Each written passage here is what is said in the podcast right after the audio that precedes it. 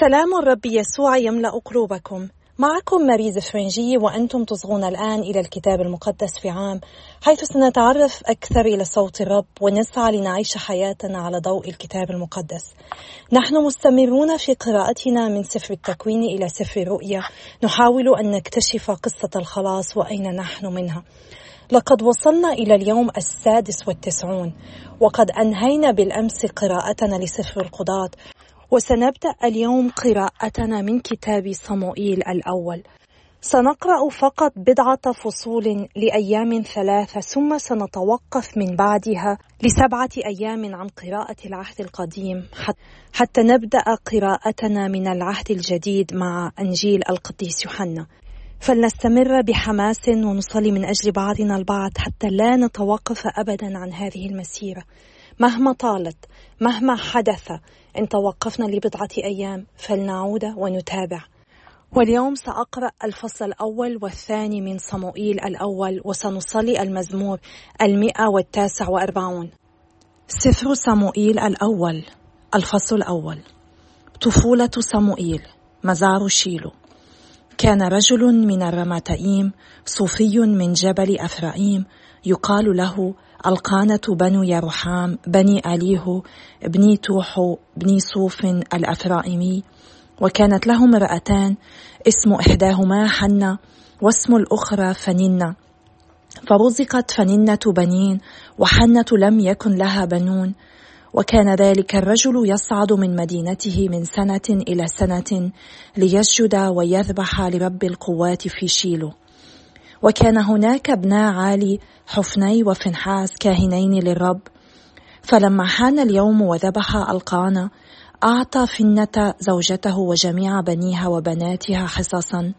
وأما حنة فأعطاها حصة اثنين لأنه كان يحب حنة ولكن الرب كان قد حبس رحمها. وكانت ضرتها تغضبها لتثير ثائرها لأن الرب حبس رحمها تماما. وهكذا كان يحدث سنة بعد سنة عند صعودها إلى بيت الرب فكانت تغضبها فتبكي ولا تأكل. فقال لها ألقانة زوجها يا حنة ما لك باكية وما لك لا تأكلين ولماذا يكتئب قلبك؟ ألست أنا خيرا من عشرة بنين؟ صلاة حنة. وقامت حنة من بعد ما أكلوا في شيل وشربوا وكان عالي الكاهن جالسا على الكرسي إلى دعامة الهيكل الرب فصلت إلى الرب في مرارة نفسها وبكت بكاء ونذرت نذرا وقالت يا رب القوات إن أنت نظرت إلى بؤس أمتك وذكرتني ولم تنس أمتك وأعطيت أمتك مولودا ذكرا أعطيه للرب لكل أيام حياته ولا يعلو رأسه موسى فلما أكثرت من صلاتها أمام الرب وكان عالي يراقب فمها وحنة تتكلم في قلبها وشفتاها فقط تتحركان ولكن لا يسمع صوتها. ظنها عالي سكرة فقال لها عالي إلى متى أنت سكرة أفيق من خمرك. فأجابت حنة وقالت كلا يا سيدي ولكني امرأة مكروبة النفس ولم أشرب خمرا ولا مسكرا ولكني أسكب نفسي أمام الرب. فلا تنزل أمتك منزلة ابنة لا خير فيها لأني إنما تكلمت إلى الآن من شدة ما بي من القلق والغيظ. فأجابها عالي قائلا امضي بسلام وإله إسرائيل يعطيك بغيتك التي التمستها من لدنه.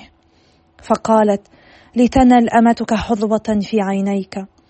ومضت المرأة في سبيلها وأكلت ولم يعد وجهها كما كان. مولد صموئيل ونذره للرب. وبكروا في الصباح وسجدوا أمام الرب ورجعوا ذاهبين إلى منزلهم بالرامة. وعرف ألقانة حنة زوجته وذكرها الرب. فكان في انقضاء الأيام أن حنة حملت وولدت ابنا فدعته صموئيل لأنها قالت من الرب التمسته. وصعد زوجها القانة وكل بيته ليقدم للرب الذبيحة السنوية ويفي بنذره. وأما حنة فلم تصعد لأنها قالت لزوجها متى فطم الصبي أذهب به ليمثل أمام الرب ويقيم هناك للأبد. فقال لها القانة زوجها افعلي ما يحسن في عينيك وامكثي حتى تفطميه وحسبنا أن الرب يحقق كلامه. فمكثت المرأة ترضع ابنها حتى فطمته. فلما فطمته صعدت به ومعها ثور ابن ثلاث سنوات وإيفة من دقيق وزق خمر وجاءت به إلى الرب في شيلو وكان الصبي لا يزال طفلا. فذبحوا الثور وقدموا الصبي إلى عالي وقالت يا سيدي حية نفسك. أنا المرأة التي وقفت لديك هنا تصلي إلى الرب. إني لأجل هذا الصبي صليت فأعطاني الرب بغيتي التي سألتها من لدنه. ولأجل ذلك وهبته للرب فيكون عارية كل أيام حياته. وسجدوا هناك للرب. الفصل الثاني. نشيد حنة. وصلت حنة فقالت ابتهج قلبي بالرب وارتفع رأسي بالرب واتسع فمي على أعدائي لأني قد فرحت بخلاصك. لا قدوس مثل الرب لأنه ليس أحد سواك وليس صخرة كإلهنا. لا تكثر من كلام التشامخ ولا تخرج وقاحة من أفواهكم لأن الرب إله عليم وازن الأعمال. كسرت قصي المقتدرين وتسربل المتعثرون بالقوة. الشباع آجروا أنفسهم بالخبز والجياع كفوا عن العمل حتى إن العاقر ولدت سبعة والكثيرة البنين ذبلت. الرب يميت ويحيي يحدر إلى مثوى الأموات ويصعد منه. الرب يقفر ويغني يضع ويرفع. ينهض المسكين عن التراب يقيم الفقير من المزبلة ليجلسه مع العظماء ويورثه عرش المجد. لأن للرب أعمدة الأرض وقد وضع عليها الدنيا. يحفظ أقدام أصفيائه والأشرار في الظلام يزلون لأنه لا يغلب إنسان بقوته. مخاصمو الرب ينكسرون وعلى كل منهم يرعد من السماء. الرب يدين أقاصي الأرض يهب عزة لملكه ويرفع رأس مسيحه. ثم مضى القانة إلى الرامة إلى منزله وأما الصبي فكان يخدم الرب أمام عالي الكاهن. ابنا عالي وكان بنو عالي أبناء لا خير فيهم لا يعرفون الرب ولا حق الكهنة من الشعب وإنما كانوا كلما ذبح رجل ذبيحة يجيء خادم الكاهن عند طبخ اللحم وبيده شوكة ذات ثلاث أسنان فيشقها في القدر أو المرجل أو البرنية أو الوعاء فما خرج بالشوكة يأخذه الكاهن لنفسه.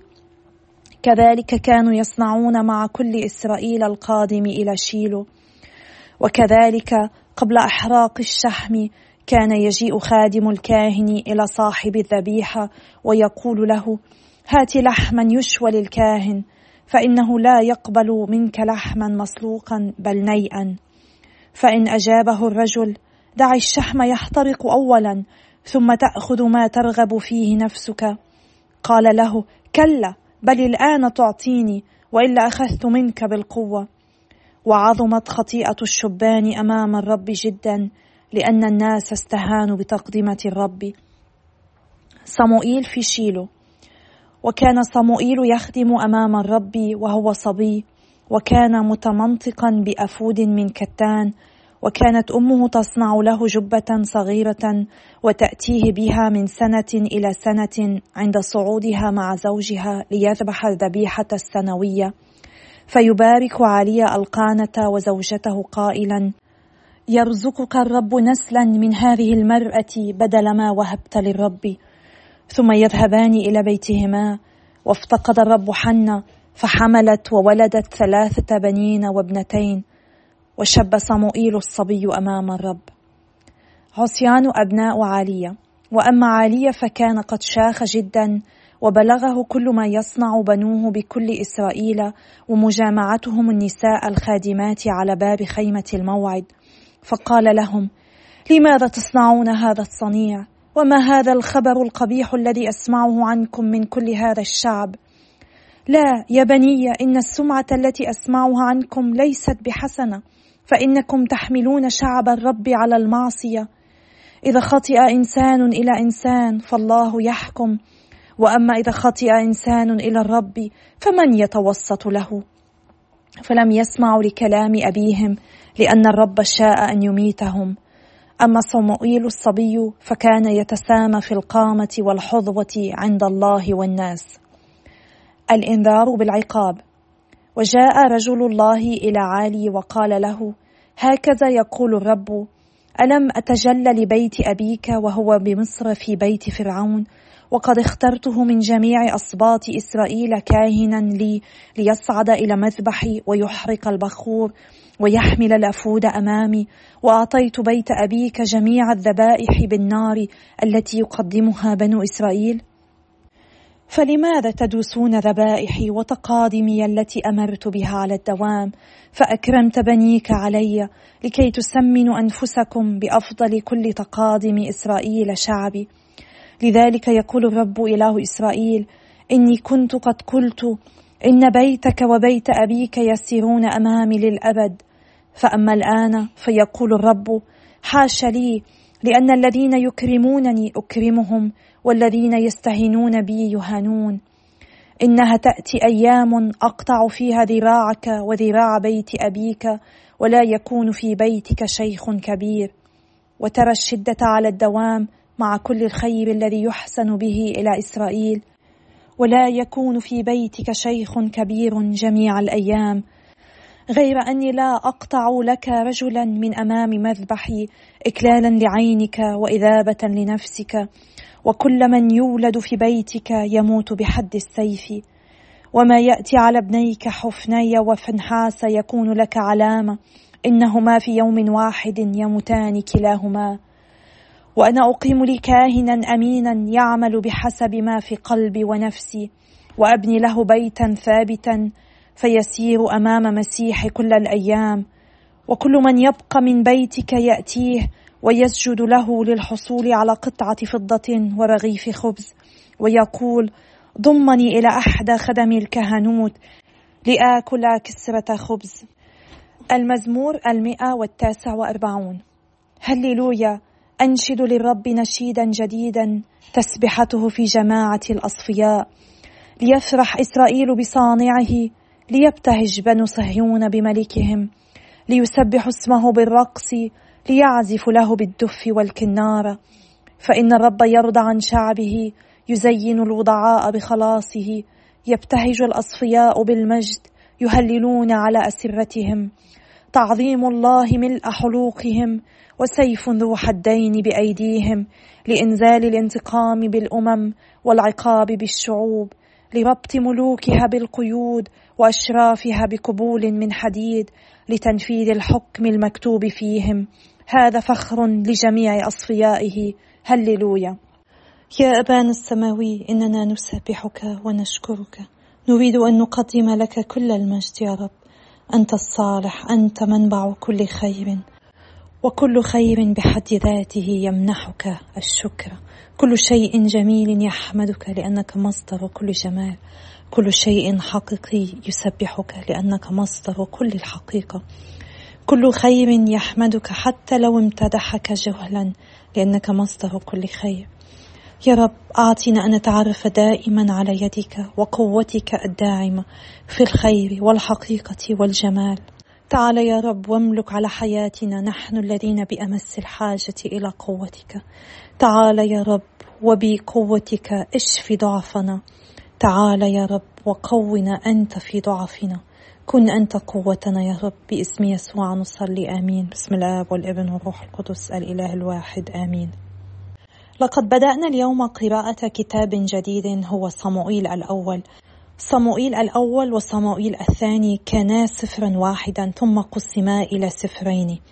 وكاتب هذا السفر هو صموئيل النبي والقاضي ومعنى اسمه اسم الله أو سؤال من الله وهو من سبط أفرائيم وهو ثاني نبي يظهر في تاريخ إسرائيل بعد موسى النبي.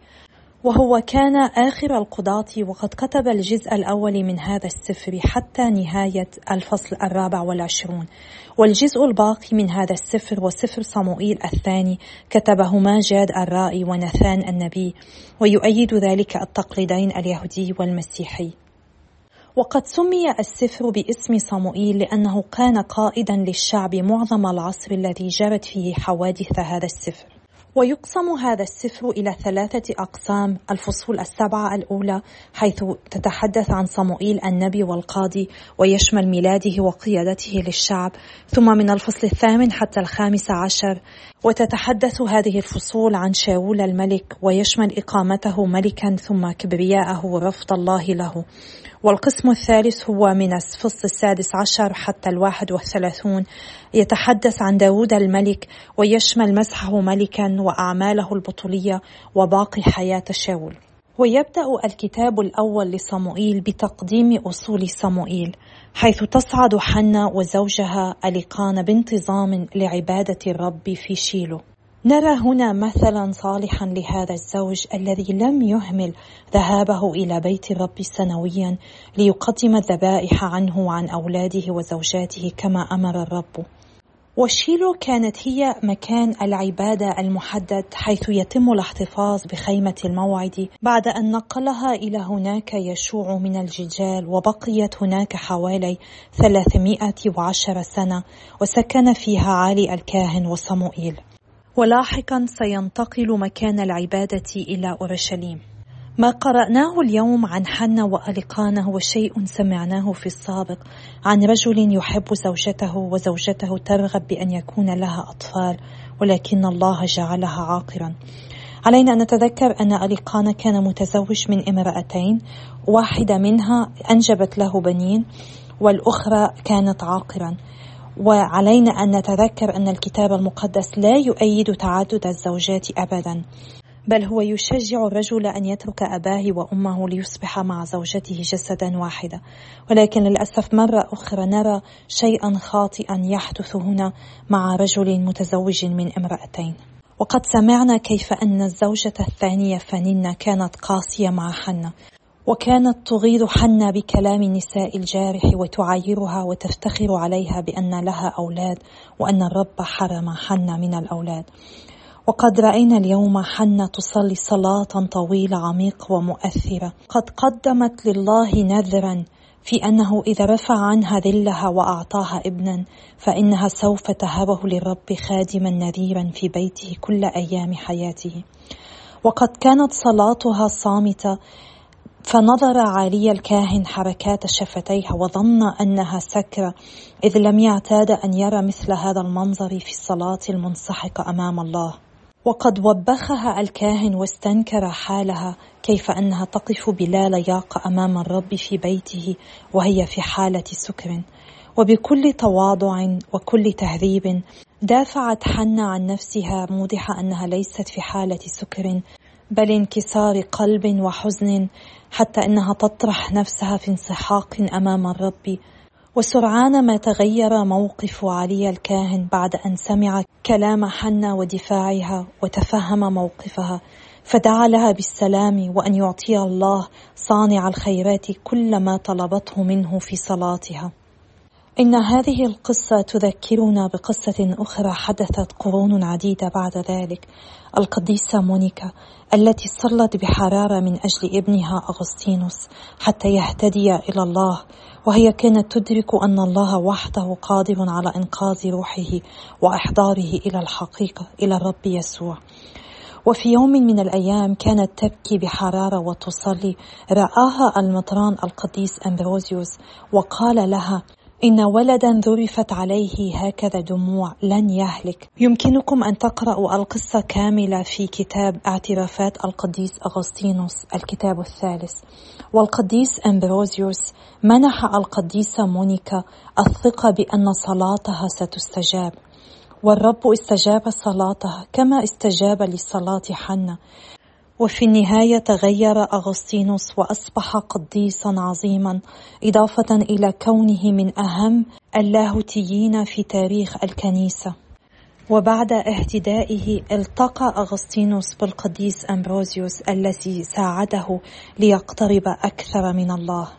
القصتين بدأتا بصلاة أم ونرى أن لا شيء يذهب سدى لا شيء يضيع مع الله. إن الله يستعمل كل ما نفعله كل صلواتنا لخير الإنسان. القديسة مونيكا صلت والرب أعطاها مبتغى قلبها. حنا صلت وأعطاها الرب صموئيل. وقبل أن تحبل به وعدت أنها ستكرسه إلى الله. وهذا الملفت للنظر. أن صلاة حنا ووعدها كانا حقا بطوليين. علينا أن نتوقف ونتأمل في مثل حنا. لقد كانت ترغب من كل قلبها أن يكون لها ولد ولكنها وعدت أن تنذره للرب وفعلت تماما كذلك. نحن ندرك وقد تحدثنا عن هذا بالسابق أن هناك الكثير من الأمهات الكثير من النساء الأزواج يتوقون لأن يصبح لديهم أطفال.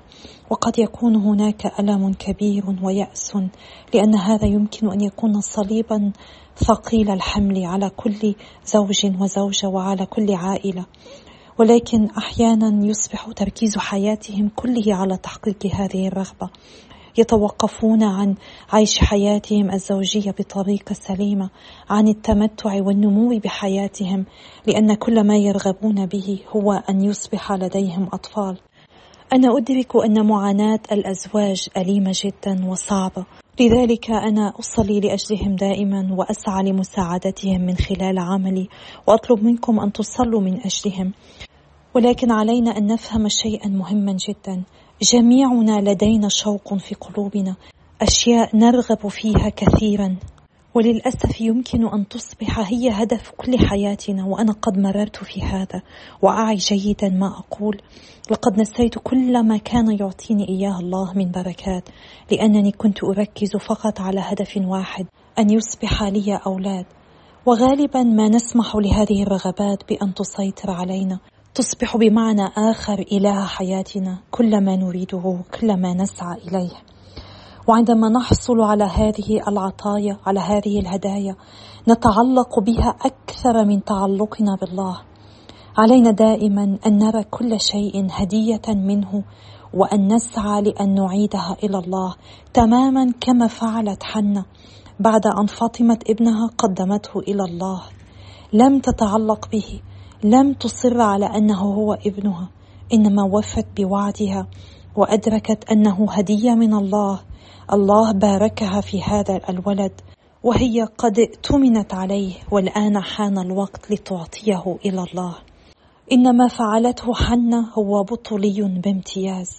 هو رائع رائع يعلمنا الكثير. من السهل أن نتعلق برغباتنا وبأولادنا وأن نجعلهم ركيزة حياتنا. فلنطلب من الله النعمة كي نتجنب الوقوع في هكذا خطأ ونتعلم من حنا أن نقدم كل شيء للرب أن نشكر الرب على كل ما يعطينا إياه ولنتعلم من حنا أن لا نيأس من الصلاة وأن نتذكر قوة صلاة الأم ولنتذكر عندما نحصل على رغبات قلبنا عندما يباركنا الله إن هذه هدية منه عطية منه. نحن نكون مؤتمنون على هذه الهدية سواء كانت أولاد أو عمل أو ممتلكات. سمعنا اليوم أيضا عن الكاهن عالي الذي لم تكن أفعاله كلها مثالية. وسمعنا عن ابناه حفناي وفنحاس اللذين كانا يأخذان من ذبيحة الرب ويقيمون علاقات جنسية مع نساء كان يخدمن أمام خيمة الرب وبدلا من أن يتابع علي تأديب أبنائه على سلوكهم السيء كان يوبخهم ويسمح لهم بذلك. ونتيجة لإهمال علي مسؤولياته بإيقاف بنيه عن عمل الخطأ للأسف زالت البركة من بيته كما سنرى. والملفت للنظر هنا في الحديث عن علي وأبنائه وعن الشر الذي تغلغل في نفوس الكهنة. الصورة المضيئة التي نراها للصبي الشاب صموئيل الذي يشار إليه أنه كان ينمو في محبته لله وكيف أعطاه الله نعمة أيضا في أعين الناس إذ رأوا صلاحه وسط كل هذا الشر.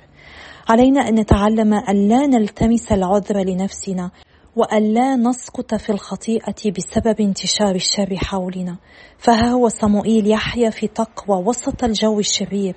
والله يسمح بوجودنا وسط الأشرار حتى نكون نورا لهذا العالم المظلم. علينا أن نثق أنه هو سيساعدنا لنحيا بالبر مهما كانت الضغوط المحيطة بنا. فلنأخذ بعض الوقت اليوم نصلي ونشكر الله على كل شخص ساعدنا لنقترب منه ونصلي لأجل الأشخاص البعيدين عن الرب. ولنثق أن الله سيقبل بشفاعتنا لهم كما قبل بشفاعة القديسة مونيكا لأجل ابنها. ولندرك أن بعض الأشخاص يهلكون لأنه لا يوجد أحد يصلي ويصوم ويتألم ويضحي من أجلهم. ولنتذكر أن نصلي من أجل بعضنا البعض حتى نستمر في هذه المسيرة. وأنا أتشكركم على كل صلواتكم وتشجيعاتكم. وكونوا على ثقة أني أحملكم بالصلوات كل يوم. وإلى اللقاء غدا يوم آخر بإذن الله.